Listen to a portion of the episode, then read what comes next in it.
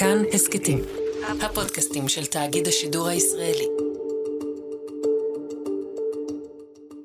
אני רוצה לפתוח עם פוסט שכתבה ציפי סידובר וקנין בדף הפייסבוק שאת נעילה כל הסיפורים והסודות מאחורי הקלעים.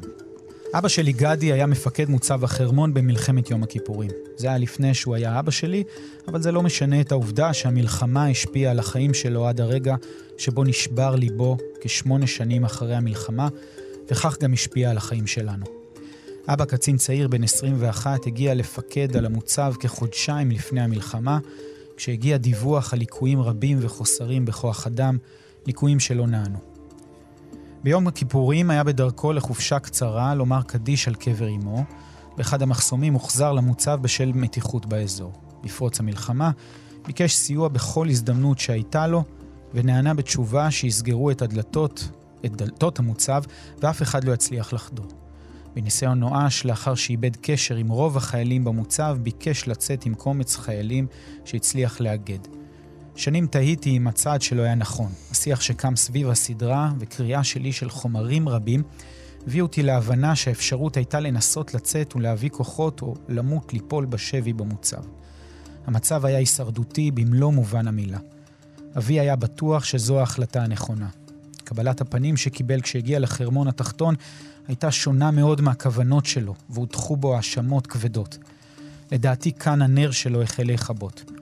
בשנים המעטות עד מותו ותוך כדי הקמת משפחתו, ניסה להוכיח עצמו בצבא, עמד בוועדת אגרנט ונתן את עדותו המפורטת ונשא את נטל האשמה שהטילו על כתפיו. נשא את כאב השבויים וצער המשפחות השכולות, מבלי לדעת שעוד מעט ישאיר גם אותנו משפחה שכולה. אבי היה פוסט-טראומטי לא מאובחן, זה ברור כשמש. הלילות שלו היו קשים ומלווים שמות של אנשים מהקרב וסערת רגשות. בשנת 81, בהיותו בן 29 ובחופשה קצרה מהצבא, התמוטט בביתו, איתנו, והשאיר אחריו שלושה ילדים קטנים וחור ענק שלא התמלא. הרצון לתאר את שמו מלווה אותי עד היום, ומיניתי את עצמי סנגורית מטעמו. הסיפור שלו בקלות נהפך הסיפור שלי, ואני עוצרת נשימה בכל פרק שרואה את אביב אלוש משחק דמות בהשראת אבי. שלום לאביב אלוש. שלום. שלום לרון לשם, תסריטאי ומיוצרי הסדרה. שלום. אתה, אתה נמצא איתנו בארצות הברית. כן. ושלום לירון זילברמן, במאי הסדרה, מתסריטאי ויוצאי הסדרה. שלום. ואני אורן אהרוני, כתב מגזין ותחקירים בכאן 11, וזה הפודקאסט שעת נעילה, כשמה של הסדרה שמשודרת בכאן 11, ואנחנו בפרק השישי.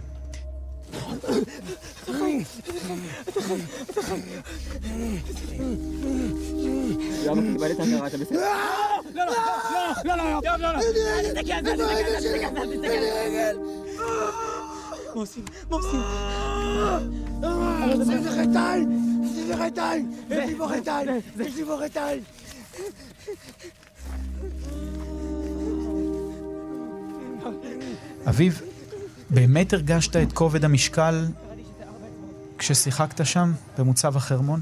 ממש, ממש, ממש ככה. ממש ככה. א', פתחת עם, ה... עם הפוסט המרגש הזה ש... שהבת של אה, גדי, זיכרונו לברכה, כתבה, וזה פשוט... אה, אני חושב שזה מכמת ומסכם את כל, ה... את כל החוויה ואת כל הטרגדיה, שחלק מההשלכות של המלחמה הזאת. אה, זה דבר מדהים. ואני באופן אישי, כן, חוויתי חוויות מאוד מאוד לא פשוטות בסדרה הזאת ובצילומים.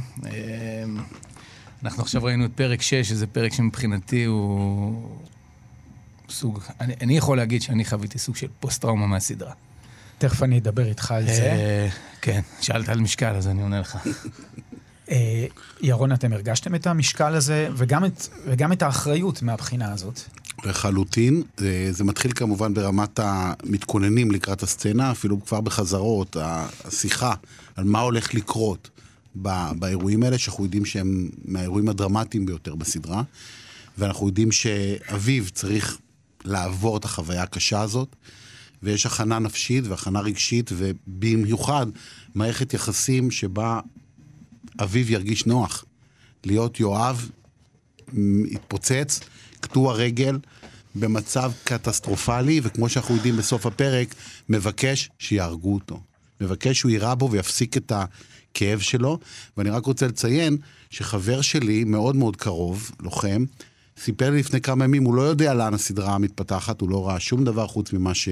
חוץ מ... אה, לפני פרק 6, והוא סיפר לי שחבר שלו לידו התחנן שיראו בו. ממש מצב וואו. זהה לחלוטין. כי עולה השאלה, אתה יודע, עד כמה זה אמיתי, עד כמה אדם ירצה מכאב כזה גדול לבקש שיהרגו, שיפטרו אותו מהכאב, והוא סיפר לי את הסיפור הזה מבלי לדעת שהוא הולך לקרות. וואו. רון, אה, כשאתה כתבת את התסריט, אה, אתה היית בקשר איתם, עם המשפחות, נכון? עם ציפי לפחות, היא כותבת שהיית זמין לשאלות, לרחשי ליבי, באמת אה, הבנת את הסיפור של אבא וטיפלת בכפפות וברגישות אינסופית. הפרט, הפרט לכאורה אה, קטן הזה, שבתוך טרגדיית מוצב החרמון העצומה, ש, שסיימה את חייהם בין אם... אפילו בין אם מי שנפל בשבי ומי שנהרג ומי שנפצע של עשרות, אבל הפרט הזה של ליבו של גדי, אבא של ציפי, הפסיק לפעום בגיל 29, פשוט נעצר. זה פרט שמלווה אותנו כבר המון שנים. הרופאים לא ידעו להסביר את, את דום הלב הזה, ואמרו זה שברון לב. וציפי אה, כביתו, היא, היא נגעה בנו עמוק בעצבים חשופים של כולנו, באמת באופן שובה לב ובדיאלוג מאוד כן לכל אורך הקשר איתה, גם בפתיחות כשהיא אה, אה, אפשרה לנו היא הבינה את, אה, אנחנו ניגשים לסיפור כל כך רגיש שרודף אותה כל השנים, היא הסנגורית של אבא, ואנחנו לוקחים חופש דרמטי ומכניסים לתוך דמותו של יואב כל כך הרבה סיפורים נוספים וקצינים נוספים וחיילים נוספים, אנחנו לא נצמדים אליו. וכמובן אחד הדברים הכי מתסכלים בכתיבה הוא הדברים שעליהם אנחנו צריכים לוותר. כשאנחנו בחרנו לרדת את ההר עם יואב ואבינועם ולנטוש את החרמון, אנחנו רצינו, רצינו להמשיך, היינו מסוגלים להמשיך לספר שעות של מסך על מה קרה במוצב החרמון עצמו. ו, וכשיואב יורד, ובמציאות, אז נטשו את המוצב 17, אה, נהרגו בדרך אה, כבר במערב הסורי הראשון, הם התווכחו ביניהם איפה לרדת, ונהרגו חמישה. אה, והיו שנשארו לגסוס בשטח, ומיד כשהם הגיעו למטה כבר אמרו עליהם אה, ברחנים. ואנחנו בחרנו, כמו שבהמון בחירות אחרות, היה לנו חשוב לא, לא להצמיד שמות יחידות ולא להצמיד שמות של אנשים, כי הסיפורים הם בליל של, של אה, אין סוף לוחמים, ומה שאנחנו, היה לנו חשוב מהרגע הראשון זה ש... כאן 11, גם, וגם ברדיו וגם uh, בדיגיטל, ישלימו את הסיפורים האמיתיים שמחוץ לסדרה, כי אנחנו יצרנו, אה, אנחנו יצרנו חומר אה, אנחנו יצרנו דרמה, fiction, אה, אבל למעלה בזמן הזה, אגב, חיילי מודיעין נלחמו להשמיד את החומר הסודי ביותר, להגיע אליו, אבל הסורים כבר תפסו את חדרי ההאזנות ואת המעבדות ואת הכל, והעבירו את החומר הסודי למשאיות לדמשק ולמוסקבה, ואלה שהיו למעלה, אה, רבים מהם לא, לא, לא היו מסוגלים לסלוח לעולם על העובדה שלוחמי גולני עזבו. אה, ונטשו דרך מרפסת האנטנות האחורית. כשבפנים מה שקרה פשוט במחילות האינסופיות האלה, שתאורת החירום בהם הפסיקה לעבוד, אה, והם היו אפופות עשן, החיילים נאלצו לספוג פיסות בד בשתן ולנשום דרכם, כי כל, כל התעלות היו מעושנות עמוקות. אז אה, גדי והחיילים שברחו איתו אמרו, לא, לא אספנו את מי שהיינו יכולים לאסוף. והוויכוח הזה מלווה ממש כל השנים, ולגעת ב, בסיפור הזה ולדעת שיש לנו אחריות לא, לא רק לתחושה שאנחנו כותבים היסטוריה, אבל גם אנשים, ש, משפחות שעד היום אה, אה, נר, רדופות אה, עם, עם השד הזה, זה מלחיץ מאוד. ועכשיו, אביב, אני רוצה לעבור לסצנה של הפציעה שלך. יואב, דפנה כנראה בחורה טובה אם היא זכתה במישהו כמוך. אתה צריך לקפוץ למים. צודק. שנינו, אה? כן. איך שנגמרת המלחמה הזאת, שנינו, בלי לחשוב פעמיים, קופצים דוך, ראש למים.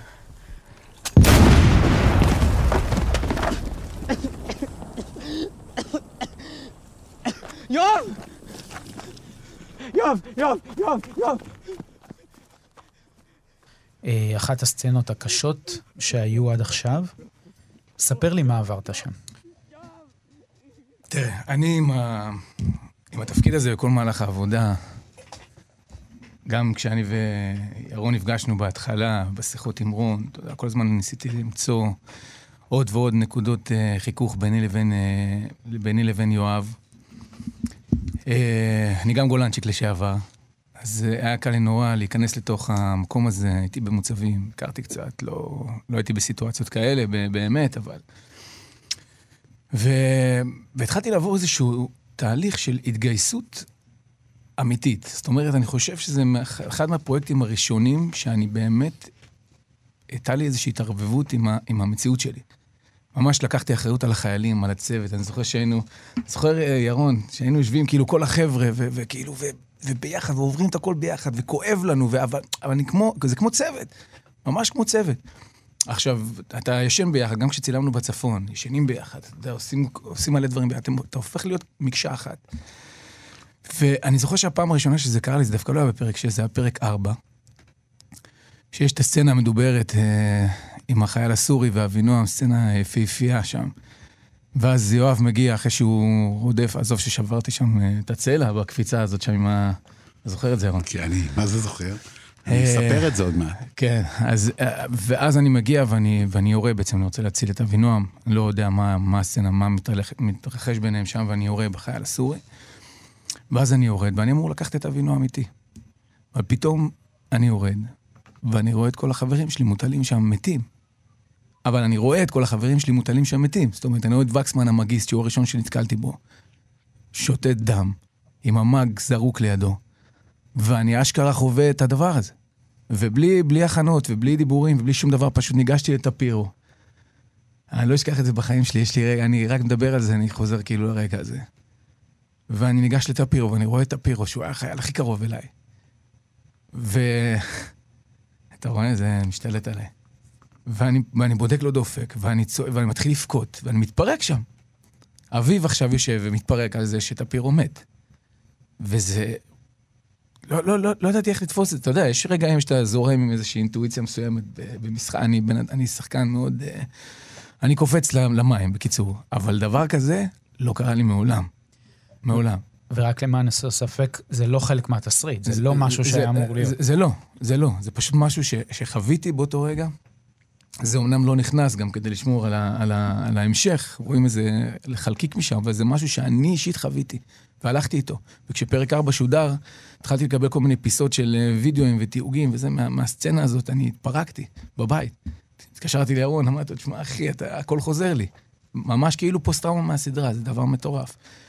ופרק 6, אין מה לדבר בכלל, כי בפרק 6 חוויתי חוויה... הם שמעו, זה הייתה, היה יום מטורף, זה היה יום צילומים מטורף, היה לנו שם סצנה שהאורך שלה היא 28 דקות, הסצנה שאני ואבינועם בשדה מוקשים, ממש מונולוג דיאלוג מטורף של 28 דקות, נכון? ככה תזמנו אותו, פחות כן, או יותר. זה, זה, הוא היה מתוזמן בתור אה, שמונה דקות, כן. ואז, ואז עמית הצלם אומר לי, ירון, כל טייק 18 דקות, 20 דקות. כן, זה היה, ו, ו, ושמרנו את הסצנה הזאת של הפיצוץ, של הפציעה לסוף היום. ו, וגם שם זה מין רגע כזה שאתה... דיברנו על זה, מה הולך לקרות, שהרגל uh, מתפוצצת ועפה, ואיבדתי הכרה, אבינועם זה, אבל אין איזשהו משהו שאתה יכול, אתה לא יכול לתכנן דבר כזה. אתה לא יכול להגיד לעצמך מה אני הולך להגיד, מה אני הולך לעשות. ו... תקשיב, זו סצנה שמפרקת אותי. אני פשוט חוויתי את החוויה. חוויתי את החוויה.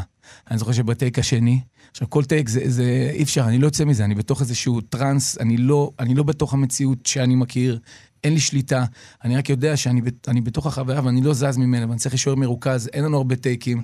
ובטייק השני פתאום ירון אומר לאחד מה... לא זוכר למי, תזרקו את הנעל. לנועם, לנועם. לנועם, תזרקו את הנעל, תשימו שם אה, דם, את הרגל, את החתיכת רגל שעפה. ו... ולא ידעתי לאן זה, לאן זרקו, אני הייתי בשלי, אני ממש הייתי בשלי כל הזמן, שמרתי על ריכוז, ו...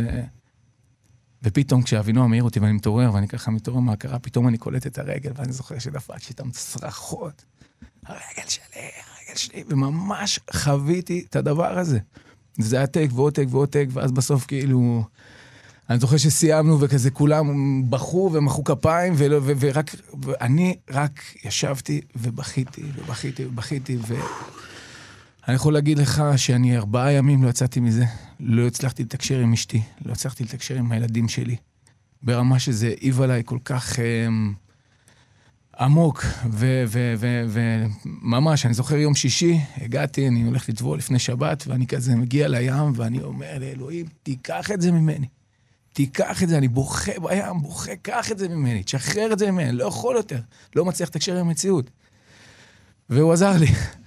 והייתה לי שבת יחסית רגועה, וחזרתי ככה לאט לאט לתוך, ה... לתוך הדבר הזה, אבל לפני שלושה שבועות בערך באתי ל-ADR, הגעתי ל-ADR וצילמנו כמה חוסרים ככה בתוך הסצנה הזאת, ושוב, פשוט פרקתי שם. לא... אשכרה יש לי פוסט-טראומה מהסדרה. ו... ושוב, אני מספר את הסיפור הזה לא כדי להגיד איזה שחקן אני, אני מספר את הסיפור הזה כי באמת שנבין מה אנשים עברו שם. אנשים עברו סיטואציות קשות מאוד, לא רק שם, בכל המלחמות, כאילו, להיות פוסט-טראומטי זה דבר נוראי, כמו שעכשיו מקודם כתבה הבת של גדי, כתבה שברור שהוא היה פוסט-טראומטי לא מאובחן, אנחנו מדינה של פוסט-טראומה, כאילו, כולנו פוסט-טראומטיים באיזשהו אופן, אבל אנשים שחוו דברים ו- ו- וקרבות ומוות של חברים שלהם ופציעות, זה דבר שהוא... אם אני חוויתי דבר כזה מה, רק מה, מהסדרה ומהצילומים, אני לא, לא מקנא בחבר'ה האלה. ויוצא לי לפגוש לא מעט. אני כבר איזה ש... כמעט שלוש שנים, אה, גם חלק מעמותה שנקראת לוחמים לחיים, שמטפלת בהלומי קרב, עמותה שהקים אותה דוגל רזון. ו... וזה... אז זאת נקודה שאנחנו צריכים לתת לה את כל המקום לדבר ולהוציא, ואני חושב שהסדרה הזאת, אם יש משהו גדול, שגם אתה, אהרון, גם אתה, אהרון, צריכים להיות שמחים עליו כולנו, כל מי שלקח בזה חלק. אומנם יש, יש עוד השלכות, HBO וכולי, אבל... וכאן. וכאן, כמובן, וכול, אבל אני חושב שבאמת אחד הדברים הכי מדהימים, זה שאנשים יושבים בבית, ואני מקבל טונות של הודעות. אבא שלי מדבר, סבא שלי מדבר, הם פותחים, הם פותחים סיפורים שהם מעולם לא דיברו, הם אף פעם לא סיפרו את ה... עכשיו, זה, זה מגיע מתוך איזושהי חוויה שהם הדחיקו, זה, זה, זה סוג של פוסט-טראומה, הם הדחיקו את זה, פתאום הרבה דברים נופלים המון המון, המון, המון אסימונים לאנשים. וזה בעיניי הדבר הכי, הכי, הכי טוב שהדבר הזה יכול לעשות, זה ממש ריפוי, כי אם יש משהו שאנחנו גם בעמותה רואים שעוזר להם מאוד, זה כשהם פוגשים אחד את השני. שיש כל מיני פעילויות בעמותה, והם בסך הכל נפגשים, הם לא מכירים, אבל הם נפגשים, עצם המפגש שאתה יודע מה אני חוויתי או מה אני עברתי, בלי שאני אדע את הסיפור שלך, זה עצם, עצם העניין הזה זה ריפוי. ואני חושב שהסדרה הזאת היא, היא ריפוי מאוד גדול, גם להלומים וגם בכלל למדינה שלנו, ובטח בזמנים שלנו, ווואי, אני כל כך אסיר תודה להיות חלק מהדבר הזה. אה, זהו. אז אני מוכן, הייתי מוכן, אני מוכן לעבור את הדבר הזה עוד uh, כמה וכמה פעמים כדי שהדבר הזה ירפא עוד פצעים בחברה הישראלית. תגיד, ירון, כשאתה רואה את התהליך שהוא עובר תוך כדי הצילום, ואתה רואה שזה לא חלק מהסצנה בכלל, זה לא, זה לא מהתסריט, והוא לא אמור לרוץ לחבר שלו ופתאום לבכות, אתה מבין מה קורה? בוודאי, אני מרגיש כמו שושבין של הדבר הזה, ומבין ההבנה הזאת שזה גם המון אחריות, המון המון אחריות, גם באחריות כלפי אביו, שנהיה מהר מאוד חבר נפש שלי, ואנחנו מרגישים ביחד כאילו אנחנו נלחמים ואנחנו נפצעים ביחד. יש לי גם אחריות אישית אדירה לאביו, וכמובן אחריות לכל הלוחמים. ואיך להציג את זה. אם אתה הולך רחוק מדי, אז מה זה אומר? ואם אני הולך קרוב מדי, אז אני לא בעצם משקף את מה שהם עברו. זאת אומרת, זה צריך להיות קשה. זה צריך להיות כואב, זה צריך להיות מזעזע, זה צריך להיות מטלטל, כי אחרת, מבחינתי, אני לא נותן כבוד ללוחמים. אבל ככל שאני יותר הולך עם זה רחוק, ככה אני מעביר את חברי אביב את החוויה הזאתי, וזה מזעזע. אבל אנחנו הולכים ביחד. אז כל הדבר הזה הוא בעצם בנייה מהרגע הראשון של חברות. שלי ושלו, וללכת ביחד כדי שהוא ידע שיש מישהו שדואג לו. הוא יכול לשכוח את עצמו, כי אני שם כדי לדאוג לו. כדי שהוא יהיה גם מבחינה נפשית לדאוג לו, גם מבחינת איך הוא נראה, איך הוא עובר, כי שחקן מפחד. הוא לא מספר על זה, אבל יש פחד טבעי לשחקן, שאולי אני יוצא לא מגוחך, איפה שרציני מצחיק. יש חשש טבעי, אמיתי, נכון, ופה אנחנו אה, נהיים אחים. שבו אני דואג לו, והוא יודע את זה, ולכן הוא יכול ללכת. אני חושב שזה מה שגם הוביל אותי לפני כמה, בפרק, בפרק 4, בסוף פרק 4, להתקשר אליך, כשהתפרקתי, הרגשתי שכאילו, הוא חווה איתי את החוויה הזאת. לא, לא יכולתי, אין לי איזה עוד חוויה, הוא חווה איתי את החוויה הזאת, בגלל זה הרגשתי את הצורך, כאילו, התקשרתי, ממש, זה היה מין על, על אוטומט כזה. כי הוא היה איתי באותו רגע, הוא, הוא יודע מה אני חוויתי שם. ואתם מבחינתכם, כשאתם נמצאים בשטח ורואים את זה, או שנמצאים אחר כך ומקבלים את ההחלטות האלה, יש איזשהו מקום, או בצילום עצמו, אה, או אחר כך, או תוך כדי, שאנחנו אומרים, רגע, אולי הגזמנו פה, אולי אנחנו צריכים לעדן שם, או שאומרים, בואו ניתן לצופים את הכל, זאת מלחמה וזה מה שהיה. אז זהו, אני חוזר אחורה למשהו שכבר אמרתי, ואני רוצה גם להקריא אה, טקסט שקיבלתי, כי אני אקבל טקסטים מאנשים שאני לא מכיר כמובן כל היום, מאוד מאוד מאוד מרגשים. ואני אגיד את זה ככה, אתה יודע מה, אני אקריא קודם כל את הפוסט, כי זה יותר חזק ממה שיש לי להגיד. ירון שלום, שמי אמנון שרון, נלחמתי ביום כיפור בציר הנפט. שזה קרוב לאיפה שאנחנו מצלמים. הייתי מ"פ המילואים הראשון שנכנס לקרב עם הסורים כבר במוצאי יום הכיפור, בקרב טרגי של הפלוגה שלי שמנתה שבעה טנקים מול גדודי הטנקים של חטיבה 51 הסורית. הפלוגה שלי הושמדה, חמישה מחייליי נהרגו, אני התפוצצתי בטנק, נפצעתי ונתפסתי בשבי הסורי. אחרי שמונה חודשים חזרתי בחילופי שבויים. הורידו לי את הפרופיל, קבעו לי נכות, חזרתי לשירות קבע חרף הפרופיל הנמוך, ובסוף מילאתי תפקידי פיתוח, פיקוד ומטה והדרכה, השתחררתי בדרגת אלוף משנה. צפיתי בסדרה, הפרק היה בעיניי מהמם ואותנטי. עכשיו, למה אני מספר את זה? כי זה בדיוק הגישה שהייתה לנו. הגישה היא כזאת, כדי שאדם שהיה במקום הזה, וחטף את הפגז הזה, ואתה אה, יודע, הוא היה מתחת, מאחורי סלע, כולו שותת דם, ומגיעים אליו סורים, הראשונים אגב הרימו ידיים, חשבו שהוא הולך לראות בהם, קראו לחבר'ה שלהם ולקחו אותו לשבי. הסיפור הזה, כדי שהוא יוכל לכתוב את הדברים האלה, להתרגש ולפנות אליי, זה אך ורק אם הוא ירגיש את האמת והאותנטיות של החוויה. האמת של האותנטיות של החוויה היא חוויה איומה ומזעזעת. היא הקולנוע, הטלוויזיה לא יכולה להעביר את המימד הזה שהוא המימד של, כמו שאומר, כמו שריח לא עובר. אותו דבר, יש סוג מסוים, הכאב של הפצעים שלו לא יכולים לעבור. אני חייב לש... לעשות אותם באמצעים אומנותיים. ופה האמצעים האומנותיים היא להראות את הקושי הזה עד הסוף. כי המשפט הכי קלאסי של uh, הלומים, ודיברתי, אני מדבר עם נט"ל ברמה יומיומית, דיברתי גם עם כל uh, uh, אנשי נט"ל המתנדבים, ואני מדבר איתם עוד יומיים בזום, עם כל המטפלים. מה שעולה המשפט הוא, זר לא יבין זאת. זה המשפט הגדול, זר לא יבין זאת. בדיוק. זה התחושה שאתה, אף אחד לא יכול להבין אותך. ואני מרגיש את תפקידי כבמאי של סדרה כזאת, שאני, תפקידי הוא שזר כן יבין אותם. שאדם כזה יוכל להגיד לבן שלו, לנכד שלו, לחבר שלו, לאשתו, הנה תראי, ככה זה היה, אוקיי? עכשיו, אנחנו יודעים שאנחנו לא יכולים להצליח בזה, זה קטונו, כאילו, עדיין זה מסך דו-מימד, אנחנו לא יכולים. אבל אני יכול לנסות בשאיפה להגיע הכי קרוב לזה. וזאת הדרך שלי להגיע לזה הכי קרוב. זה כן לזרוק את הנעל הזאת, את הרגל הזאת, שהיא, ברור שאתה מעדיף לא לראות אותה, נכון? יותר נעים לא לראות אותה. אבל כשאתה רואה אותה, אתה מבין את הכאב של יואב. ויואב רואה אותה, ויואב אומר, הרגל שלי. ההבנה הזאת שהרגל שלו מנותקת ממנו, היא מצד אחד נורא נורא קשה, ומצד שני הכרחית, כדי שזר יבין זאת. מדהים. וכשאתה צילמת את זה ו- ושיחקת את זה ו- ועברת את מה שעברת, כמו שסיפרת, היו לך חששות, זאת אומרת, אחר כך בצפייה להגיד... ש- אולי... שאני אראה את זה? או שאתה, או שאנשים קרובים אליך, או לא. שהצופים. אני חושב ש... זה לא משהו ש... שזה, אני חושב שזה, זה, זה, זה צפייה לא פשוטה, כל הסצנה הזאת היא לא פשוטה. אפילו שם, כשצילמנו את זה, אנשים הלכו מהמוניטור.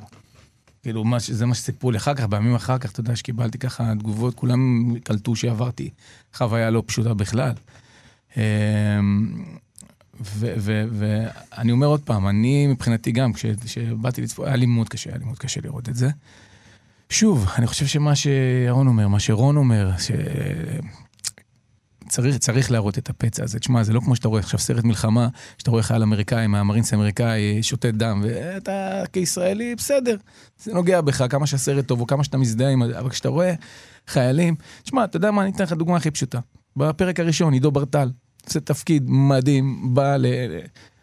בום, קבל כדור בראש. אני זוכר שאשתי, כאילו, הייתה בהלם מזה. הוא בא, כמה סצנות, נכנס, אתה חושב שהחייל הזה הולך, אה, הולך לקרות עכשיו איתו משהו, הסיפור שלו הולך להתפתח, ופתאום, פאף, הוא הולך. זה רגע מאוד מאוד מאוד קשה. אני חושב שמשם אנשים התחילו להבין לאן הסדרה הזאת הולכת. יש בה אמת שהאותנטיות בה היא חייבת להיות, היא חייבת להיאמר. והיא זאת שבעצם ת, תרפא. אני חייב לגעת בנקודה השורשית כדי, כדי לעשות פה איזשהו ריפוי. אני חושב שזה... זה, זה... שוב, הייתי עובר את זה עוד כמה פעמים. אם אנחנו, זה מה שאנחנו עושים, אני עובר את זה עוד כמה פעמים.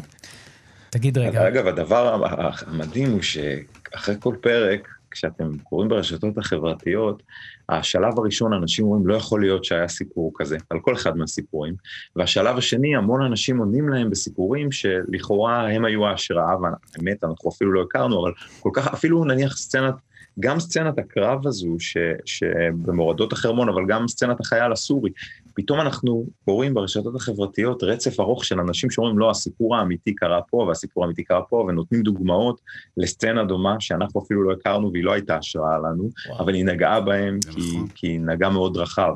אני יכול להגיד תמיד מה, מה הרגע האחד שממנו אנחנו לקחנו את ההשראה הראשונית. אה, ולמשל, בשתי הסצנות, אה, גם בסצנת הקרב וגם בסצנת הסורי ובחלק מהרגעים בפציעה, בהקשר הזה במורדות החרמון, ההשראה המאוד ראשונית שהייתה לנו היא, היא עדות של לוחם גולני, אישיות מאוד מיוחדת ומרתקת בשם דוד צרפתי, אה, שאומנם קרה, זה קרה שם במורדות החרמון, אמנם שבועיים אחר כך בקרב לכיבוש החרמון, אבל היו שם בסופו של דבר כל החברים של צרפתי כבר שכבו הרוגים סביבו, כמו שאביב מתאר, את, את עוצמת החוויה הזאת, הוא מוצא את עצמו לבד וכל החברים הרוגים סביבו. ומי שנשאר, והוא פצוע, הוא פצוע, פצוע קשה, והוא אומר, אני מתחנן למות, אני מעדיף למות, אני נשבע לכם, זה כל מה שרציתי באותו רגע. ופתאום הוא מגלה שיגאל, המ"פ שלו, יגאל פסו, אה, חי לידו, ויגאל אומר לו, אתה, אני מבטיח לך שאתה שורד את זה, ואתה תהיה סטודנט באוניברסיטה העברית, ומדובר צרפתי היה מעיד על עצמו, שהוא היה חייל בעייתי עם כלא בעברו וכולי, ויגאל משביע אותו שהוא שורד, ואז הם מתחילים אה, שיחה עם, ה, עם החייל הסורי, כשהם תקועים שם שעות, החייל הסורי גם מאחורי אה, סלעים, הם תקועים שם שעות, הם לא יודעים האם הקרב נגמר, האם החרמון נכבש, האם החרמון לא נכבש, האם מי נכנעו, מי לא נכנעו, והם מתחילים להתווכח ביניהם מי, מי יותר, את מי שהקריבו, שאתכם הקריבו, אותנו הקריבו, אתם פראיירים, אתם הייתם פיתיון וכולי. אה, ומצד שני הם חשדנים אחד כלפי השני, כי כשיגאל המ"פ זוכה לכיוון מכשיר לא, הקשר הסורי, יורה לעברו. ואז המ"פ אה, יגאל לוחש לחייל, לצרפתי, אני ארוץ אה, להרוג אותו, ת, ת, תן לי חיפוי אש. וצרפתי פשוט לא הצליח לראות, הוא, הוא, היד שלו מהפציעה לא הצליחה לראות, ויגאל נפל, ואז כשהסורי הרים ידיים, אה, אחרי שיגאל נפל, הסורי הרים ידיים, וצרפתי ירה בו אה, מהזעם על כל החברים שלו, גם ששוכבים סביבו הרוגים. עכשיו, אנחנו, אנחנו מקבלים השראה ממשהו מאוד ראשוני, לפעמים זה קרה לנו לפני שנים ארוכות, אנחנו מכניסים פנימה עוד המון רגעים אחרים, בחרמון היה... איזה חייל סורי, אה, טוני, שהציל את חייו של אה, שלום לפי, אחד. מחיילי המודיעין, והם התחילו לדבר על, אה, על, על שלום ועל ביקור בדמשק. היו, היו כל כך הרבה סיפורים כאלה, אבל אנחנו יוצרים איזה משהו אחד. ואז כשאתה נכנס לאינטרנט ואתה מגלה פשוט אינסוף סיפורים של מקרים דומים בסיני ובגולן, ש, שאפילו לא ידענו שקיימים, זו חלק מעוצמת החוויה של האמת. והעובדה שהחי, שהחיילים לא יעידו עלינו שנכשלנו ברמה האותנטית, בעוצמה, גם בעוצמה הוויזואלית שירון הביא, זה, זה, זה, זה הדבר שהפחיד אותנו יותר מהכל. אני רוצה ברשותכם רק להציג עוד דבר אחד שרון בזמנו סיפר לי, וחשוב לי רק לציין אותו, זה שכשיצאו הגולנצ'יקים עם, ה, עם חייל המודיעין בעצם ממוצב החרמון, הם החליטו להתפצל, זהו שני מפקדים, אחד זה גדי ומפקד נוסף בשם חגי אה, פונק. שההחלטה שלהם הייתה, אם נלך כוח אחד וניתפס, כולם יהרגו. אם נתפצל, אנחנו מעלים את הסיכוי שניתפס, אבל אם ניתפס, רק חצי מאיתנו וחצי ישרדו, וכך הם מחליטים, והקבוצה השנייה אכן נתפסה במערב וכולם נהרגו. אז יש, אה, רק לציין את זה, ש... החלטות גורליות, שנייה-שנייה. כל החלטה כזאת זה לחיים או למוות של קבוצת אנשים, זה מטורף. ודבר אחרון שאני רוצה לגעת בו, זה בעצם גם קשור לסצנה של הפציעה, זה בעצם חילוף התפקידים בינך לבין אבינועם. כלומר, עד הרגע הזה אתה זה שדואג לו, אתה זה שמביא אותו, אתה זה שלוקח אותו וגורם לו לתפקד, נכון. ומאותו רגע אה, אתה בידיים שלו. והקלטנו פה פרק עם אה, שחר, עם אבינועם. והוא מתוק. סיפ- והוא סיפר לנו על היחסים הקרובים שלכם. אז בוא תספר באמת מהצד שלך. וואי, עם שחר זה היה, קודם כל הוא מתוק ומוכשר, ואני אוהב אותו אהבת נפש. ואני אלך דווקא אחורה, ממש ממש אחורה, לשורש של העניין הזה. כשאני הגעתי לא- לאודישן, עשינו מאצ'ינג, אני ושחר. והאמת זה שזה משפט שלך, אבל אני כזה ראיתי אותו, הוא כזה היה כזה חמוד, והוא התרגש וזה וזה. אמרתי לו, איזה חמוד אתה, יאללה, וכזה חיבקתי אותו. ואני זוכר, ירון אחר כך לימים אמר לנו, זה הרגע שבו ידעתי שכאילו זה אתם. כאילו, כי יש איזשהו דיסוננס בינינו, ומאוד מגניב וקסום ופתוח, ובאמת, ככל שהלכנו והתקדמנו עם הצילומים ועם העבודה, לקראת הצילומים, המערכת היחסים שלנו התפתחה ככה, ממש ככה, כמו מין אח גדול כזה. אה, ככה הרגשתי איתו, עד היום אני מרגיש ככה כלפיו, יש לי איזו אחריות כלפיו. ובאמת ב- ברגע הזה הוא...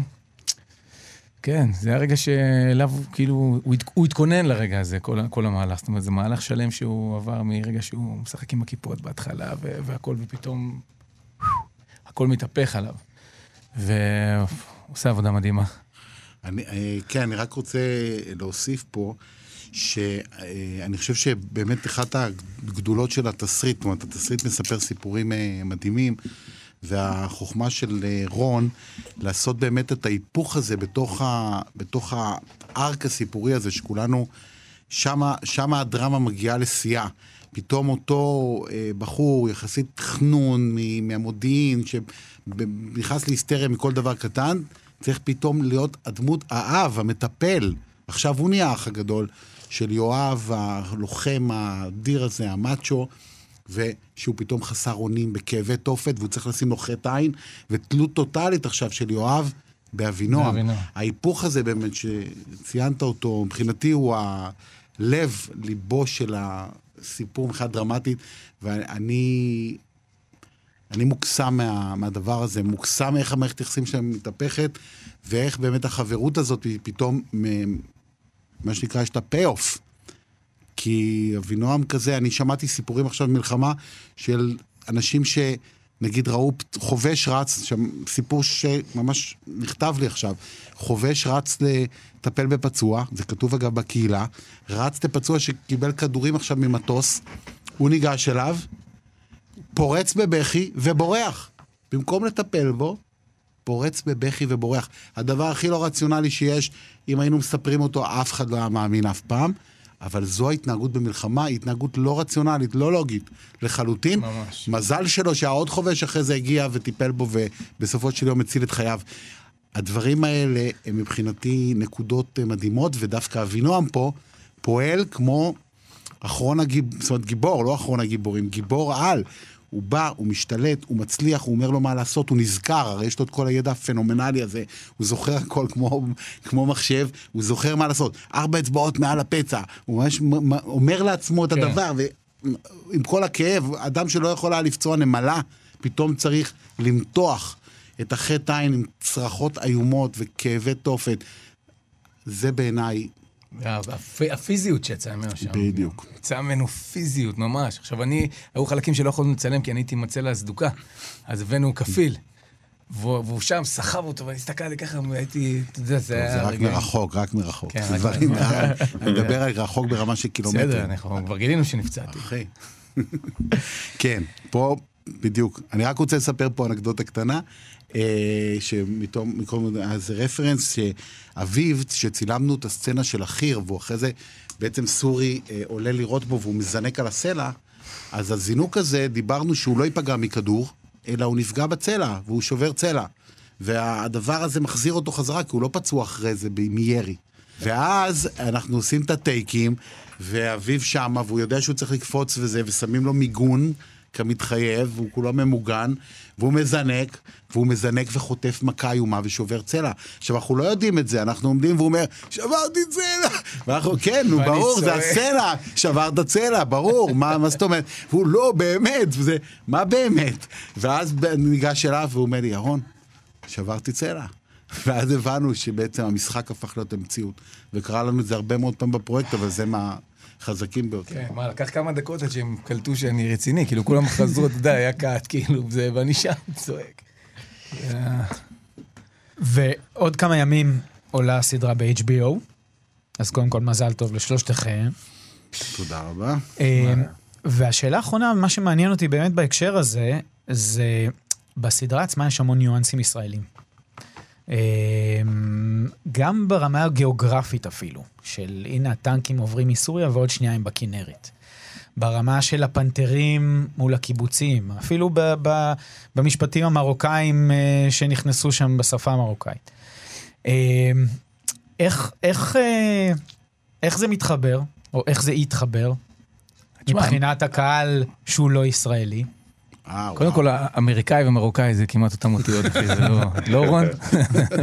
אה, לא, מה שמצחיק אגב, שאולי אני חושב הבעיה הטכנית, הרי אנחנו עכשיו כל הימים האלה, אה, כשאפילו עוד, עוד נלחמים על ירון שבעה ימים בשבוע עוד בחדר עריכה על, על לסגור את הסדרה בארץ, אבל האמריקאים הם זקוקים, ושוב, האמריקאים האלה הם גם, הם מעלים את הסדרה בשבוע אגב, גם בפראג ובצ'כיה ובפולין, ואחרי זה בכל רחבי HBO אירופה, ואז...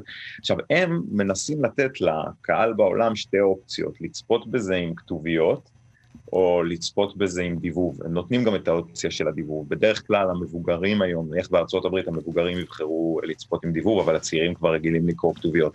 ו- ותוך כדי הריכוז על סגירת פרקים בארץ, זה שצריך לענות להם על כל כך הרבה שאלות, שפתאום אתה מבין את הניואנס, כשהם שואלים, רגע, בדיבוב, מה נעשה? הם ידברו פתאום מרוקאית, ואיך מבדילים בין המרוקאית לערבית, לעברית, איך לעשות את זה, ואנחנו בינינו כל הזמן צריכים לענות על שאלות כאלה. יש בזה...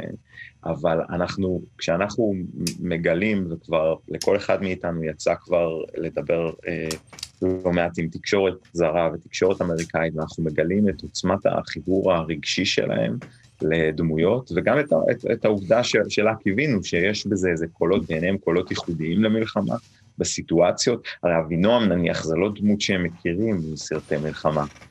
באופן כללי, לצה"ל יש, יש uh, מאפיינים שהם מאוד ייחודיים, גם אם uh, כשמשווים את זה לסדרות מלחמה מצליחות כמו אחים לנשק, נניח, יש פה משהו שבישראל, בעובדה שקודם כל אנחנו פוגשים לאורך הסיפור גם אנשים שהם מילואימניקים הרי ש... שנטשו את, את חייהם, הם, הם רואי חשבון או מהנדסים או מורים או לא יודע מה, ופתאום ברגע אחד מוצאים את עצמם, הם רואים את הקיבוץ שלהם מהתל אה, במשקפת. אבל, אבל יש גם חיילים שאין להם הכשרת לחימה למשל, זה כל מיני קולות ייחודיים למלחמה, אז, אז בינתיים התגובות הן מאוד מרגשות, אני, זה, הם בטוח לא, אין בהם את המטענים שיש uh, לצופה הישראלי, אבל בינתיים זה הולך טוב. יש כלל כזה, ככל שאתה יותר... פרובינציאלי, אתה יותר אוניברסלי, במובן הזה שהם רוצים לקבל מאיתנו ניואנסים שמכניסים אותם לחיים במציאות, כן. אה, במציאות חלופית ואלטרנטיבית. והניואנסים הישראלים זה מה שכל כך אה, אה, שובר אותם. לי זה, זה מה שקרה בלהיות איתה, מה שאתה אומר עכשיו. להיות איתה, הסורים מקים בהמון ארצות בעולם, כן. ועדיין הגרסה העברית, האותנטית, עובדת. בדרום אמריקה, בארצות הברית, באירופה, בהודו, כאילו זה פשוט מדהים, אנשים רואים את זה ככה בעברית, as is, לא רוצים רימייק. נכון. מדהים. יפה, אז קודם כל שאפו לשלושתכם, ותודה רבה שבאתם. אביב, ירון ורון. תודה לך. תודה רבה. שעת נעילה משודרת בכל שבוע, ביום שני, בכאן 11, ואנחנו נהיה כאן גם בפרק הבא. עורך הפודקאסט רום אטיק. אפשר למצוא אותנו באתר כאן ובכל אפליקציות הפודקאסטים. אני אורן אהרוני. תודה שהאזנתם.